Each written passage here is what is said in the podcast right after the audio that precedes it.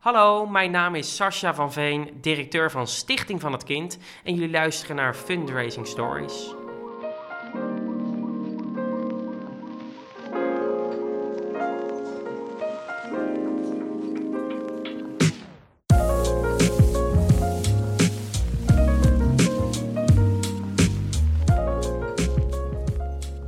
Hallo, dit is Fundraising Stories, een podcast van het vakblad Fondsenwerving. Ik ben Petra Hogewerf. Vandaag praten we met Sascha van Veen, 32 jaar en directeur van Stichting van het Kind. Een gedreven enthousiaste man, wiens passie ligt bij het werk van de stichting. In Nederland ontvangen er jaarlijks bijna 500.000 kinderen jeugdhulp. En 51.000 kinderen zijn in die omstandigheden dat ze niet meer thuis kunnen wonen. Daar richt de stichting zich op. Vandaag praten we met hem over hoe hij de stichting leidt. Hij werkt vooral met jonge mensen en heeft onder andere het callcenter in huis gehaald. Ik ben benieuwd naar zijn mening over de fondswerving in de sector. Bram was elf toen hij zag hoe zijn drugsverslaafde moeder zijn zusje mishandelde. Hij hield zijn moeder tegen en vluchtte met zijn zusje naar de politie. Toen Bram onder begeleiding van zijn leefgroep en de politie naar huis ging om een kleren en andere spullen op te halen, bleek dat zijn moeder alles al had verkocht. Bram moest drie keer verhuizen voordat hij een plek vond waar hij een jaar kon blijven wonen. In zijn leefgroep is er geen budget voor activiteit na school. Bram woont met 200 andere kinderen op een terrein zonder mogelijkheden om te sporten. Stichting van het Kind stelt onder andere sportpakketten beschikbaar voor deze kinderen. Bram en zijn leeftijdgenoten kozen zelf het voetbalpakket. Nu kunnen alle 200 kinderen op het terrein drie keer per week anderhalf uur sporten. Ik zit hier bij Sascha van Veen, directeur van deze stichting. Is dat jouw drive, wat ik net voorlees? Uh, ja, zeker weten. Uh, ja, Stichting van het Kind zet zich in voor kinderen die uh, door uh, ja, vaak vervelende thuissituaties niet meer thuis kunnen wonen. En ja, jeugdzorg in het algemeen doet gewoon heel erg mooi werk voor de kinderen. Uh, maar is er vaak gewoon te weinig budget om kinderen uh, op vakantie te sturen, te, lekker te laten sporten. En ja, wij vinden het juist belangrijk dat kinderen echt weer even kind kunnen zijn. En daar is sport een heel belangrijk onderdeel van, vinden wij. En, de, de, de reden dat jullie de stichting hebben opgericht, hij bestaat nog niet zo lang volgens mij? we bestaan nu, ja, dat we echt ja, aan het fondswerven zijn en echt wat voor de doelgroep kunnen betekenen, zijn we nu ongeveer vijf jaar bezig. Ja, inderdaad. Ja, en waarom hebben jullie gekozen om, om die extraatjes te doen, zoals vakantieopgang en sportpakketten? Um, nou, we zien uh, eigenlijk dat er binnen jeugdzorg heel veel aandacht uh, geschonken wordt aan de behandeling van kinderen. Uh, er is een gedragswetenschapper vaak bij de problematiek betrokken. en ja, we zien gewoon dat er te weinig aandacht is voor sport, vrije tijd. Uh, maar met name het ja, in de maatschappij staan, wat eigenlijk elk kind in Nederland, uh, ja, wat gewoon in een normale gezinssituatie opgroeit, die wordt, uh, gaat naar normale middelbare school, naar een normale basisschool en draait echt in de samenleving mee. En ja, wij vinden het juist heel erg belangrijk dat de kinderen door middel van sport op een externe sportvereniging, dat is eigenlijk het, het, allerbelangrijkste, het mooiste wat wij, uh, wij vinden, dat ze gewoon bij een externe sportvereniging sporten, waar ze met normale kinderen in aanraking komen, uh, die gewoon in een normaal gezin opgroeien. Uh, ja, dat vinden wij eigenlijk gewoon het allermooiste en het belangrijkste. Zodat ze ook uh, ja, buiten jeugdzorg een netwerk opbouwen. Ja, want, want het verhaal wat ik net voorlas, dat is natuurlijk schrijnend. Er zijn 51.000 kinderen in Nederland die op deze manier in leefgroepen leven bij jeugdzorginstellingen? Uh, nou, 51.000 kinderen komen er per jaar in aanraking met, uh, met, de, met de jeugdhulpverlening. Uh, waarvan er ongeveer 24 à 25.000 kinderen echt in een, in een gezinshuis of op een leefgroep wonen. en de andere 25.000, 26.000 kinderen zitten in de pleegzorg. En wij vinden de pleegzorg de aller uh, ja, beste, mooiste manier uh, voor de opvang van kinderen. Dat ze in een normale gezinssituatie opgevangen worden. Helaas zijn er te weinig pleeghouders in Nederland. En ja, dat is ook een van onze pijlers om ja, meer aan, aan, aan werving van pleeghouders te doen. Zodat kinderen in een normale gezinssituatie opge, opgevangen kunnen worden. Ja. Maar ja, dat is een, een droom ja, die heel veel jaar nog in beslag gaat nemen om dat, dat, dat, gat op te gaan vullen. En, wat is daar zo? Want ik las dat er 3500 pleegouders nodig zijn. Klopt. ja, tekort per hoe komt dat dat, er, dat dat zo moeilijk te vinden is? Um, hoe komt dat? mensen hebben een bepaald beeld bij pleegouderschap dat het eigenlijk dat 24 uur per dag, 7 dagen in de week uh, uh, ja, is. Maar een pleegouderschap kan ook één woensdagmiddag zijn. Dat een kind in een moeilijke thuissituatie zit. Ouders veel financiële problemen, misschien nog wat andere problematiek. Nou, nu is het eigenlijk zo dat een kind uit huis geplaatst wordt. En uh, onderzoek heeft ook uitgewezen als die ouders wat meer lucht krijgen en een kind kan één of twee dagen uh, in de week na schooltijd naar een pleeghouder die leuke dingen met zo'n kind gaat doen, dat het die ouders lucht geeft om aan de problemen thuis te werken. En dan zie je eigenlijk dat een kind wel thuis kan blijven wonen, omdat die ouders net dat stukje extra lucht krijgen om ja, met hun eigen leven bezig te zijn. En ja, dan kan een kind gewoon thuis blijven wonen. En, ja, thuiswonen is gewoon het allerbeste voor, voor elk kind natuurlijk. Uh, als de problemen gewoon uh, opgelost kunnen worden. Ja, ja. Ik, ik, ik, voel helemaal je passie en je, en je drive. Hè? Je, bent, uh, je hebt een hele diverse achtergrond. een marketingachtergrond, salesachtergrond, ook in de commerciële sector gewerkt. Klopt. En op een gegeven moment heb je gekozen om hier te gaan werken. Vertel eens, wat, is, wat maakte jou die overstap voor jou? Uh, nou, die overstap is vijf jaar geleden heb ik die, uh, die gemaakt. Uh, ik werkte voorheen, voorheen bij een direct marketing bedrijf, een van de grootste partijen in Nederland. En ze deden voor allerlei grote aanmerkgroeidoelen, maar ook ja, andere commerciële partijen deden ze de werving van leden. en was toen eigenlijk aan een nieuwe, nieuwe uitdaging. Het vak fondsenwerving heeft me altijd al aangesproken. Uh, nou, op dat moment kon ik bij een van de grootste uh, goede doelen, kan je dan aan de slag. Nou, dan kom je best wel een gespreid bedje uh, terecht. En kwam via via bij Stichting van het Kind terecht. Het was een kleine organisatie. En had, ja, ze hadden pas 30.000 euro inkomsten. Ja, dan kan je echt het verschil maken. ik heb toen drie, jaar, drie maanden vrijwilligerswerk voor de organisatie gedaan. Advies gegeven van, joh, uh, hoe bouw je fondswerving op? Hoe ga je met je donateurs uh, om?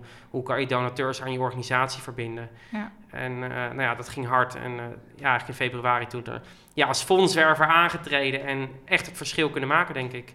Kijk, je kan een organisatie kan je stabiel houden, maar we hebben echt een hele grote groei afgelopen jaren op zowel financieel gebied kunnen maken, maar ook op projectniveau waar we uh, in het verleden eigenlijk alleen met de lokale jeugdzorgaanbieders uh, samenwerken, werken we nu met alle grote, uh, grote landelijke jeugdzorgaanbieders samen met onze projecten. Ja. Nou, er wordt nou misschien nog even over de jeugdzorginstellingen.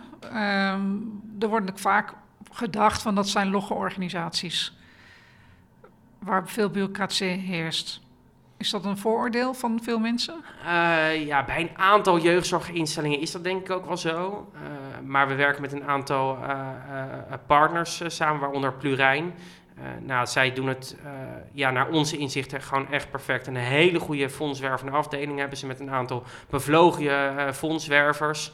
En waar eigenlijk het, het, het, stukje wat de overheid, zoals sport, vrije tijd, ja, laat liggen pakken zij dat zelf echt op en schrijven ze vermogensfondsen aan. Uh, ze werken onder andere dan ook met Stichting van het Kind samen, nog met een aantal andere goede doelen die zich voor deze doelgroep uh, inzetten. En proberen ze eigenlijk dat gat zelf op te vullen om daarin samenwerking te zoeken met het bedrijfsleven. Ook serviceclubs zoals Lionsverenigingen ja. hebben, ze, hebben ze samenwerking mee. Dus ik vind dat zij dat ja, heel erg goed oppakken. En er zijn dan een heel aantal, aantal andere uh, jeugdzorginstellingen die dat ook uh, oppakken. Maar heel veel jeugdzorginstellingen ja, laten daar te veel in liggen, denk ik nog. Ja, maar daar zijn jullie dan voor? Ja, zeker weten. Ja. Dat, uh... vervolgens ben je directeur geworden. Klopt, ja. Dat is weer een andere rol dan de fondswerver. Hoe zie, hoe zie jij je rol als directeur? nou ja, kijk, de fondswerving doe ik nog wel volledig zelf. Uh, ben bij, eigenlijk bij alle processen in de, in de organisatie heel nauw betrokken. En ja, mijn, mijn achtergrond is fondswerving. Daar ligt ook wel echt mijn hart. Dat vind ik echt heel erg leuk. Uh, dus daar blijf ik heel erg bij betrokken. Uh, maar op allerlei andere vlakken de afgelopen jaren heel erg kunnen ontwikkelen. Denk aan de jaarrekening, samenwerkingspartners op het gebied van jeugdhulp zelf. Dat lag eerst bij de vorige directeur en ja, heb ik nu ook wel mijn ei in, in kwijt gekund. En zie je ook dat bepaalde jeugdzorginstellingen ook wel dingen van onze organisatie overnemen. En op het fonds... nou, bijvoorbeeld met pleegouders werven. wij met onze huidige donateursdatabase krijgen natuurlijk heel veel geld namens onze donateurs. Maar lichten we ook onze donateurs voor van joh, je kan financieel helpen, maar met bijvoorbeeld een weekendpleegouderschap of een woensdagmiddag een, ja, een kind uh, ja, mee naar het zwembad nemen, wij van spreken, of naar de speeltuin, kan je ook heel erg veel voor de doelgroep betekenen. En uh, wij koppelen dan uh, de pleegouder, zeg maar, of in ieder geval de warme lied, zoals wij dat noemen, ja, leveren we aan bij uh, onze samenwerkingspartners. En dan is het verder aan de samenwerkingspartner natuurlijk zelf hoe zij uh, ja, met die pleegouder omgaan. Een VOG-verklaring, dat, dat checken zij allemaal. Ja. Dus wij leveren eigenlijk alleen de leads op dat gebied. En zij doen de opvolging. Ja, ik, ik vind dat wel heel mooi, want de donateurs worden vaak gezien als een beetje buiten de organisatie staand. En eigenlijk betrek jij ze ook heel nauw bij het werk wat jullie doen en waar je voor staat. En ook bij een groot maatschappelijk probleem, namelijk die, het tekort aan pleegouders. Ja, klopt. Uh, lukt dat? Uh, hoe wordt er gereageerd door de donateurs? Uh, heel erg positief. Kijk, normaal gesproken wordt er... we hebben dan ook een eigen callcenter... wat we met Stichting Kind zelf helemaal in eigen beheer hebben genomen. En waar je eigenlijk... ja heel vaak een telefoontje krijgt van joh, u helpt al, nou hartelijk bedankt, maar wil je meer gaan geven? Uh, ja, zijn we gewoon heel erg blij met de donateurs, bedanken we ze ervoor en uh, heb ik liever dat ze ja, concreet echt iets voor de doelgroep dan kunnen betekenen, extra bovenop een donatie, zoals een weekendpleegouderschap of een woensdagmiddag echt iets met jongeren gaan doen, dan we echt om een extra donatie vragen, want ja, ik ben al heel erg blij met die donateur. Waarom zou ik om extra geld vragen? Ik heb liever dat hij nog tien jaar zijn donateurschap uh, blijft volhouden. Dan dat ik hem om extra geld ga vragen. Dat hij na een half jaar zegt van joh, het is genoeg geweest. Ja, precies. Ik wil nog even door ook op de rol van de kinderen. Want volgens mij, wat ik uh, weet, is dat jullie de kinderen ook heel erg betrekken bij waar jullie het geld aan besteden. Ja, klopt. Hoe, hoe, werkt dat? Kan je een voorbeeld daarvan geven? Uh, nou, allereerst de naam natuurlijk Stichting van het Kind. We zijn van het kind en wij zijn er niet voor het kind. Uh, wij vinden het heel erg belangrijk dat kinderen meebepalen over de projecten. Uh, wij kunnen zeggen van joh, een voetbalpakket of een, een, een, sportzak of een panaco is heel erg leuk. Maar als er uiteindelijk helemaal geen gebruik van, van gemaakt wordt, is dat natuurlijk heel erg zonde van het geld van de donateurs. Uh, nou, voordat wij een project gaan uitrollen uh, binnen een jeugdzorginstelling, gaan we eerst met de jongerenraad zitten. Uh, en leggen wij aan de jongerenraad voor van, joh, we hebben een bepaald bedrag.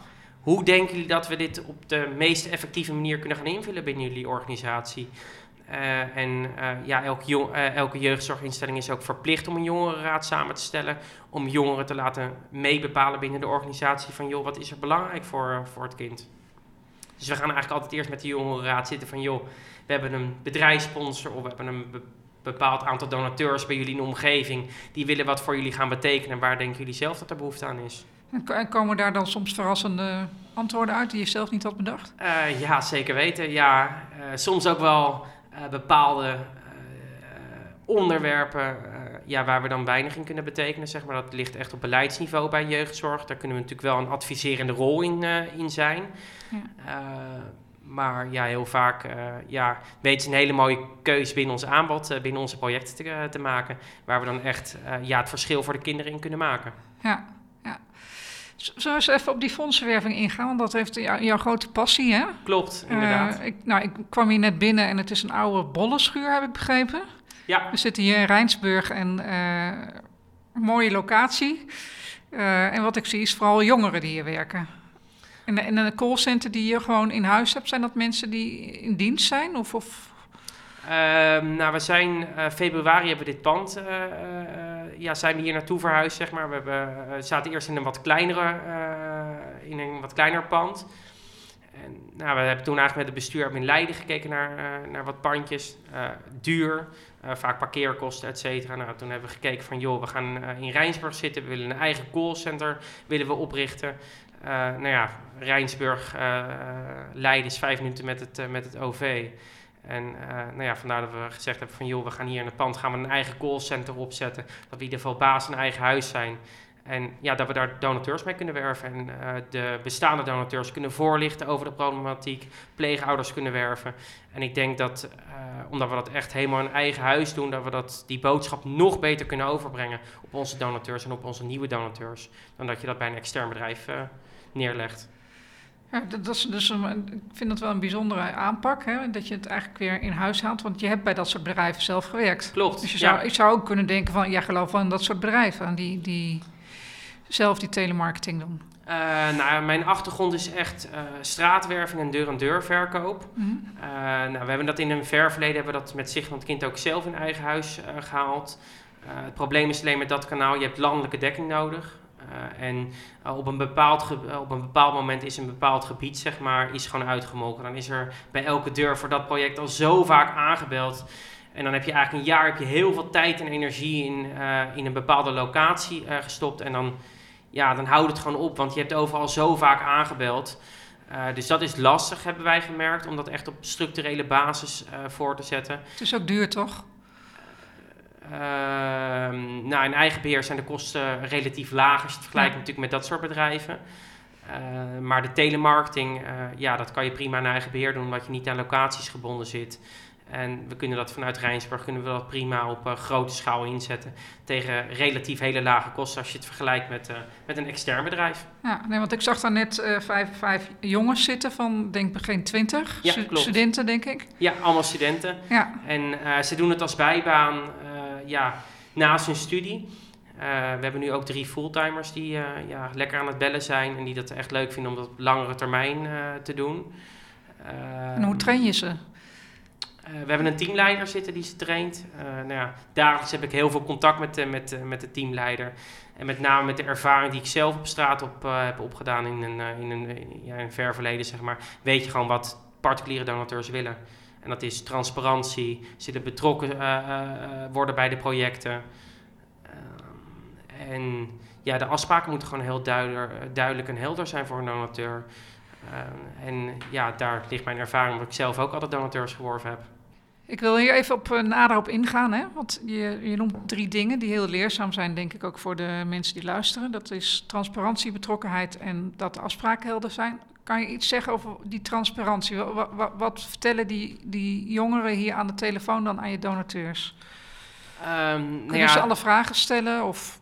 Uh, nou, we nemen in ieder geval alle jongeren nemen we één tot uh, één keer in de maand of één keer in de twee maanden nemen we ze mee naar een van onze projecten. Uh, ik merk heel erg dat ze, als ze in gesprek gaan met de jongeren, dat ze ook daadwerkelijk weten wat voor impact hun werk heeft. Dan is die 5 euro die ze per maand ophalen, is leuk. Maar ze weten dat ze met die 5 euro per maand die ze hebben opgehaald ook daadwerkelijk echt de jongeren gaan helpen. En met de ervaringsverhalen van de jongeren waar wij onze projecten mee uitvoeren. Ja, dat heeft zo'n impact op de jongeren die wij uh, hier hebben zitten. Ja. En uh, ja, met name die afspraak vind ik gewoon heel erg belangrijk richting de particulier. Dat uh, als er eenmalig wordt afgesproken met een donateur, dat de afschrijving ook echt maar één keer plaatsvindt.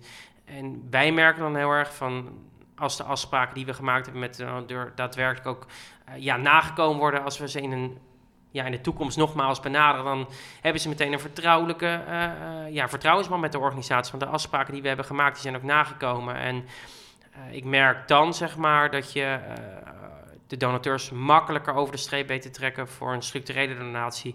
En dat ze dat ook op de echt lange termijn ja, zich aan de organisatie willen binden. Ja. Dus die, die betrokkenheid die realiseer je doordat die, hè, dat je medewerkers daadwerkelijk bij de jeugdzorginstellingen met jongeren uh, gaan praten en ze leren kennen. Ja. Die afspraken maak je helder door, door het denk ik goed vastleggen en je eraan te houden. Dus Ja. als ik een eenmalige donatie wil hebben, krijg ik niet over twee weken weer een eh, formulier om een machtiging te sturen of wat dan ook. Ja, of dat het uh, dat na de eerste uh, incasso dat er nog een incasso volgt. Dat er twee of drie keer wordt afgesproken. Ja. Kijk, wij vinden gewoon afspraak is afspraak. En als iemand maandelijks wil helpen, dan gaat die donateur maandelijks helpen. Daar zijn we heel erg blij mee. En als een donateur zegt, joh, ik wil eenmalig wil ik helpen, dan kan dat ook gewoon.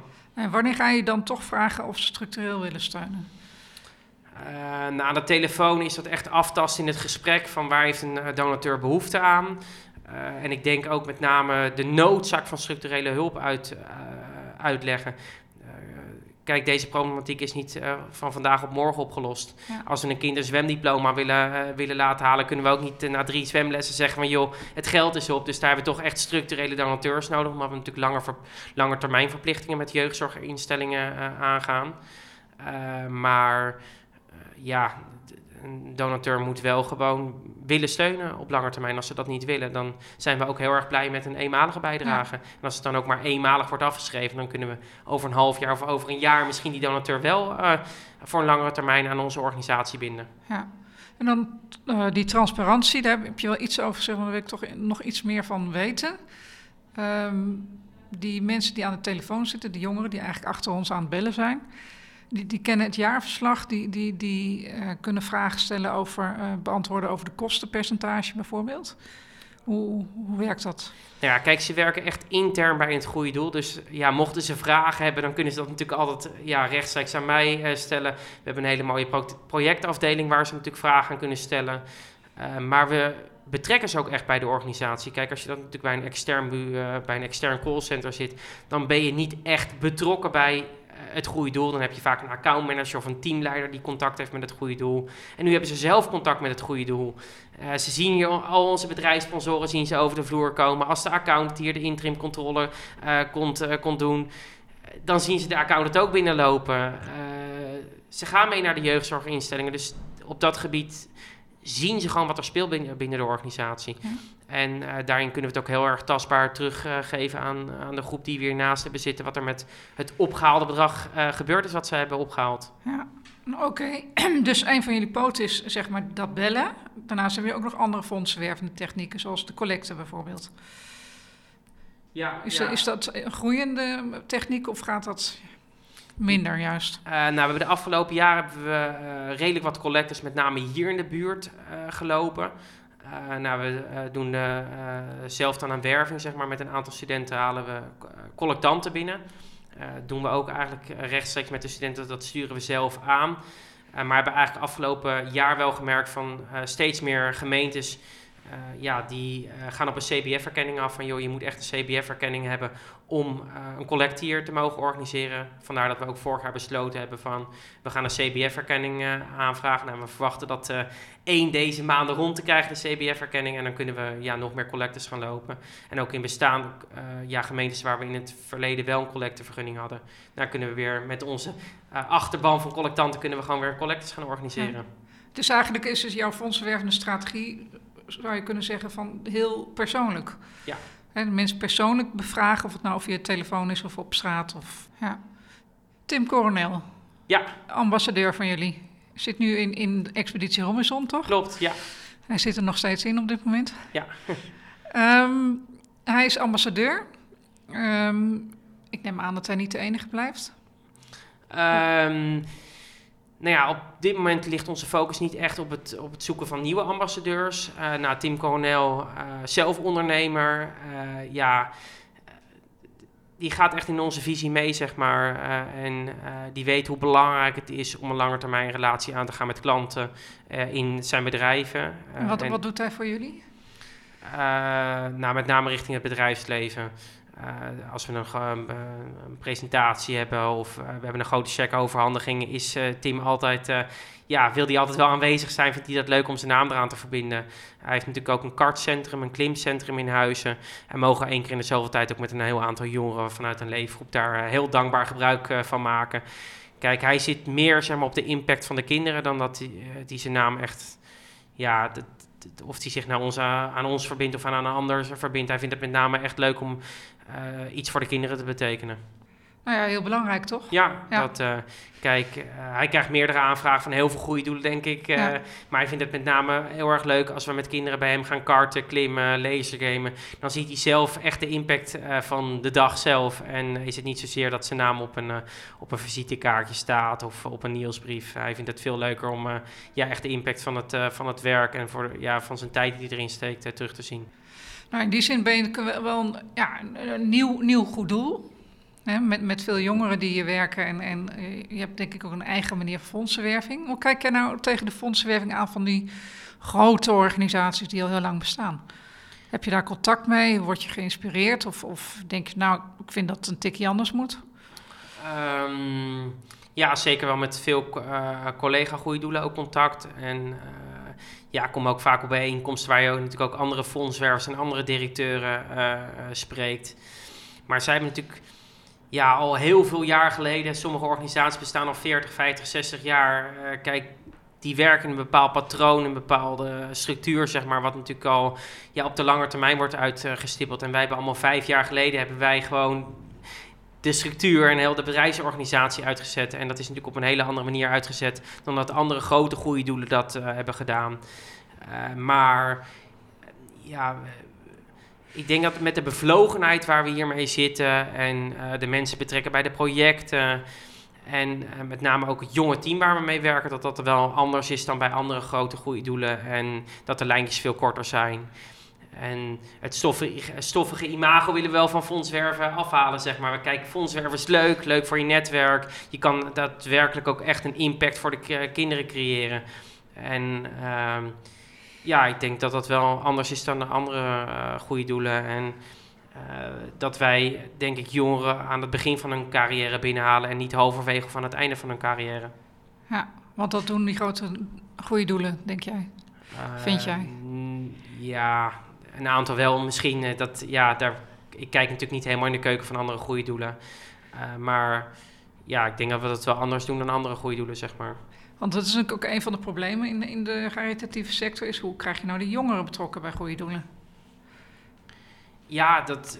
Kijk, uh, wij halen zelf uh, jongeren van opleidingen af, van commerciële opleidingen. Maar ook voor de project, projecten halen we van zorg en welzijn, dat soort, organisa dat soort opleidingen af. Kijk, we leiden onze mensen zelf op, zeg maar. Dat is denk ik wel...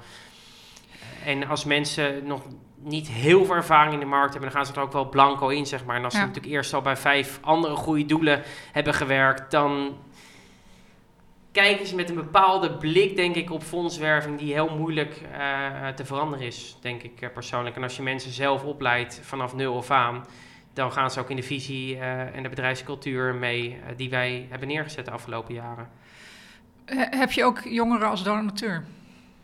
Ja, zeker. Dat ja, ik merk wel dat uh, de gemiddelde leeftijd van on onze donateurs is ongeveer 45 jaar. Ik denk dat het wel lager is dan bij heel veel andere groeien. Ja, ik heb een wel... aantal klanten waar het uh, gemiddeld 70 is. Ja, gevaarlijk denk ik. Ja.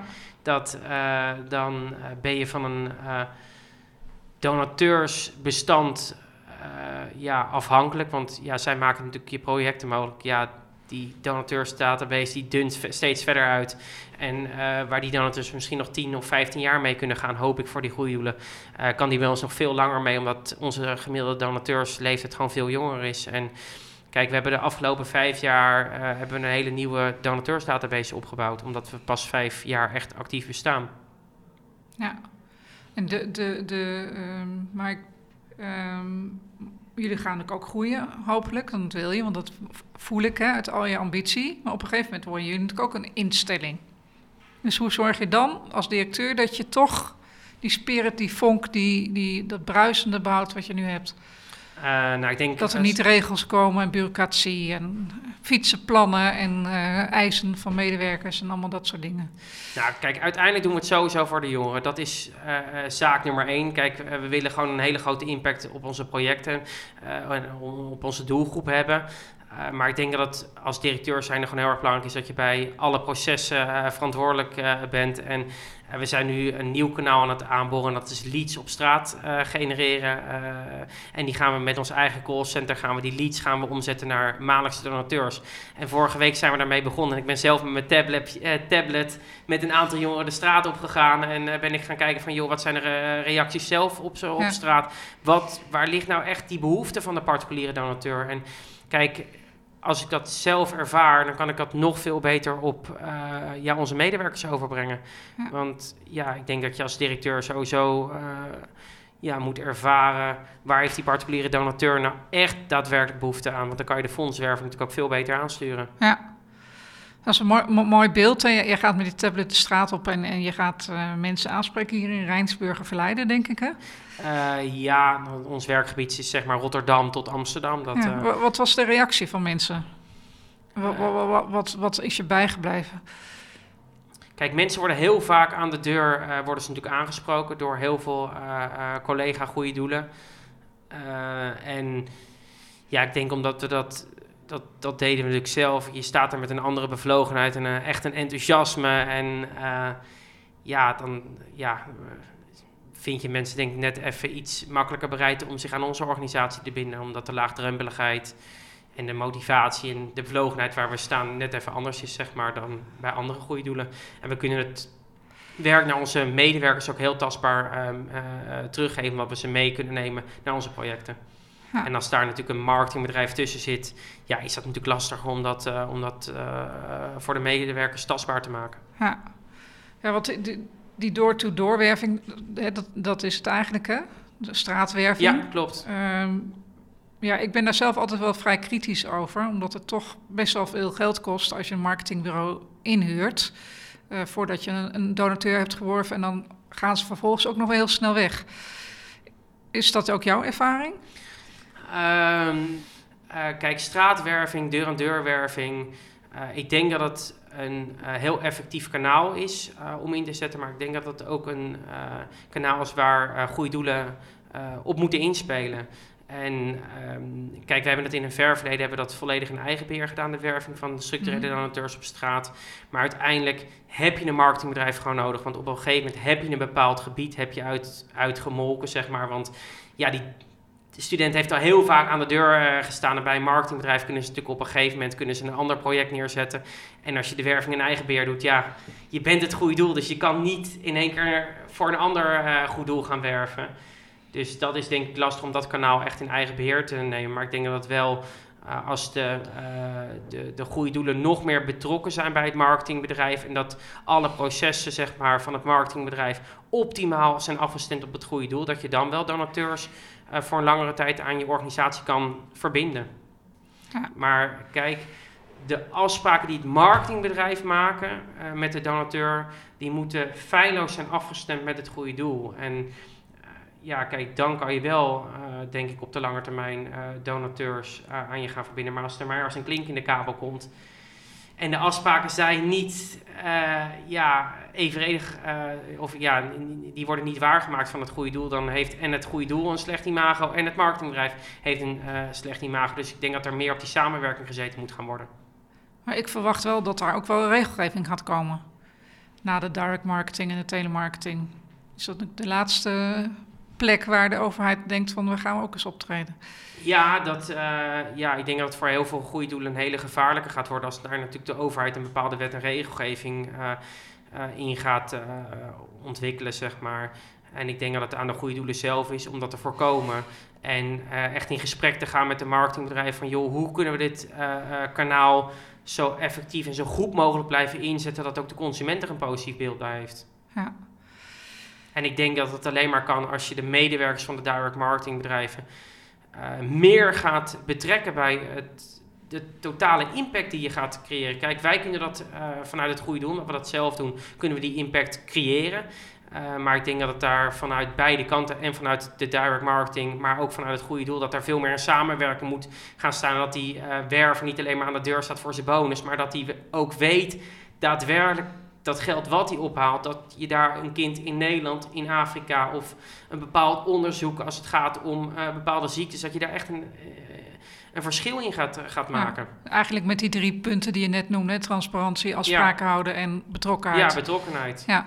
En ik denk, kijk, je kan heel erg wijzen naar het goede doel, je kan heel erg wijzen naar het marketingbedrijf, maar ik denk dat de, de verantwoordelijkheid is van beide partijen om dat kanaal gezond en goed te houden. En uh, kijk, misschien is het nu wat meer vingertjeswijs van... joh, het is het direct marketingbedrijf wat de schuld heeft. Nee, het is het goede doel wat de schuld heeft. Maar ik denk dat ze gewoon uh, duidelijk en heldere afspraken met elkaar moeten gaan maken. En uh, kijk, ik heb de nieuwe oplossing nog niet gevonden... om donateurs te werven, werven, zeg maar, op grote schaal. En ik denk dat er maar heel weinig donateurs... s ochtends in bed uit gaan stappen van... joh, ik ga vandaag Stichting van het Kind bellen of mailen van... joh, ik wil donateur worden... Uh, kijk, er zijn zoveel goede doelen die zoveel verschillende manieren van wervingen uh, hebben uh, proberen uit te denken. Maar uiteindelijk valt het elke keer weer terug bij direct marketing. En ik denk dat die, dat kanaal gewoon behouden moet blijven. En dat daar gewoon meer energie vanuit en de goede doelen en vanuit het marketingkanaal ingestoken moet worden om dat kanaal gezond te gaan houden. Ja. We kijken even naar de toekomst. Waar zit jij over tien jaar? Heb je een droom? ja. Ehm, Ik zie je lachen. Kijk, we hebben de afgelopen jaren hebben met Sigmund Kind uh, ja, hele mooie stappen gemaakt. Uh, op zowel de projecten, maar ook de verslagleggingen. Jullie zijn van 30.000 naar 1 miljoen gegroeid? Nou, ons stopjaar was 1,6 miljoen uh, aan uh, opbrengsten in een jaar. Nou, we zitten nu gemiddeld zo op 1,3 miljoen aan netto op, opbrengsten. Dat is wel wat teruggezakt, omdat we de afgelopen jaar heel veel hebben geïnvesteerd in onze projecten. Maar ook in onze verslaglegging hebben we afgelopen jaar een hele mooie stap gemaakt. We hebben een controleverklaring van een externe accountant. Uh, en uh, dadelijk ook de CBF-erkenning rond. En nou hopen we ook een, uh, ja, een aanvraag bij de postcode loterij of de vriendenloterij te kunnen gaan, gaan indienen. en ja, ik zou het wel heel gaaf vinden zeg maar, als wij een nieuwe manier van werving kunnen gaan introduceren. Dat wij daar de grondleggers van, van zijn, zeg maar. Dat we naast straatwerving, telemarketing, online, met alle ja, nieuwe ideeën die we vanuit onze jonge team, zeg maar, dat we daar een nieuwe manier van werving uh, uh, kunnen gaan, uh, gaan aanboren. En, zit hij al in je hoofd of moet hij nog ontstaan? nou, hij zit nog niet in mijn hoofd. Ik heb wel een heel hoop ideeën, zeg maar, hoe we de bestaande kanalen kunnen verbeteren. Dat, en kijk, mijn hart ligt wel bij fondswerving op straat en aan de deur.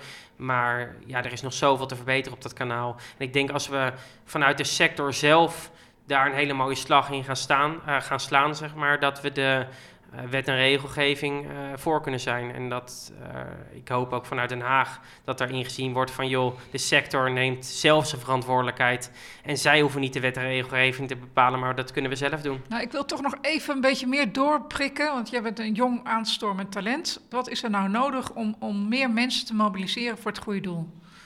Nou, ik denk uiteindelijk dat het ook uh, deels bij diverse brancheorganisaties moet komen te liggen. Dat zij uh, het stoffige imago van fondswerving uh, af gaan halen. En dat zij voorlichting gaan geven op scholen. Desnoods met reclamecampagnes. Dat fondswerven leuk is. Dat het niet alleen maar leuren is, maar dat je aan je netwerk werkt. Dat je je sociale en je commerciële vaardigheden gaat verbeteren. En dat mensen denk ik ja, in het begin van hun carrière zich al echt aan de fondswerving willen gaan verbinden. En uh, kijk, goede doelen kunnen dat zelf gaan doen. Maar ik denk dat als dat vanuit uh, de brancheorganisatie geregeld gaat worden, dat zij echt voorlichting gaan geven op scholen, maar ook aan het Nederlandse publiek, hoe leuk fondswerven is. Ja, ik denk dat het, CBF en een aantal andere brancheorganisaties dat prima kunnen gaan doen de komende jaren. En dat we dan heel veel nieuw vers bloed in de fondswerving gaan, gaan terugvinden. Ja. En, en, zie je jezelf ook op een gegeven moment bijvoorbeeld bij eh, namens een brancheorganisatie dan aan tafel gaan zitten met politici? Uh, ja, daar heb ik nog niet zozeer over nagedacht. Ik zou het wel leuk vinden om in de verre uh, of nou, in de toekomst wat meer advies richting goede doelen uh, te gaan geven. Van joh, hoe zet je dat kanaal, uh, de diverse kanalen nog beter in? En hoe kan je die betrokkenheid nou bij je donateurs gaan creëren? En dat een donateur niet alleen binnengehaald wordt, maar dat die ook behouden blijft. Want ja, we vissen allemaal in een bepaalde vijver. En ja, mijn sport is om die vis uh, aan de haak te houden en dat hij er niet afvalt na een jaar, maar dat hij zo lang mogelijk behouden blijft voor het goede doel. Hey, ja. Hebben we nog geen antwoord gegeven op de vraag waar je nou over tien jaar, wat jou, waar je dan wil zijn? Bijvoorbeeld Eveline Bruning heeft een heel helder doel. Die wil dat honger de wereld uitgaat. En daar gaat ze nog tien jaar keihard aan werken.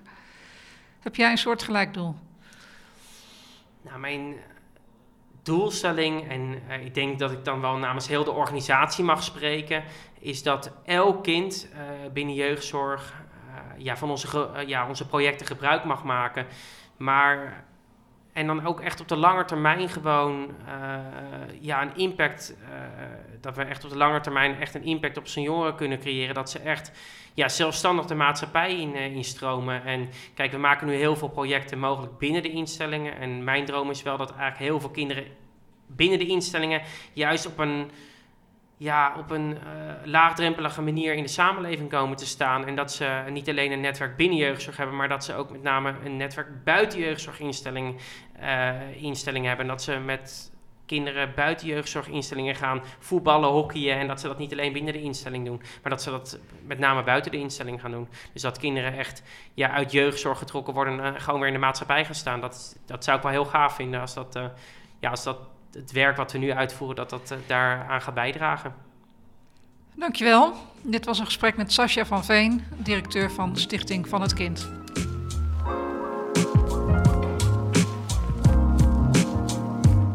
Leuk dat je luisterde naar Fundraising Stories van Vakblad Fondsenwerving in samenwerking met Verleda, geproduceerd door Marijn Thijs. Over twee weken verschijnt er een nieuwe aflevering uit deze serie. Abonneer je via je favoriete podcast-app en je krijgt automatisch bericht wanneer de nieuwste aflevering online verschijnt. En vergeet niet 5 sterretjes te geven als je dit een inspirerende, interessante of leerzame podcast vindt.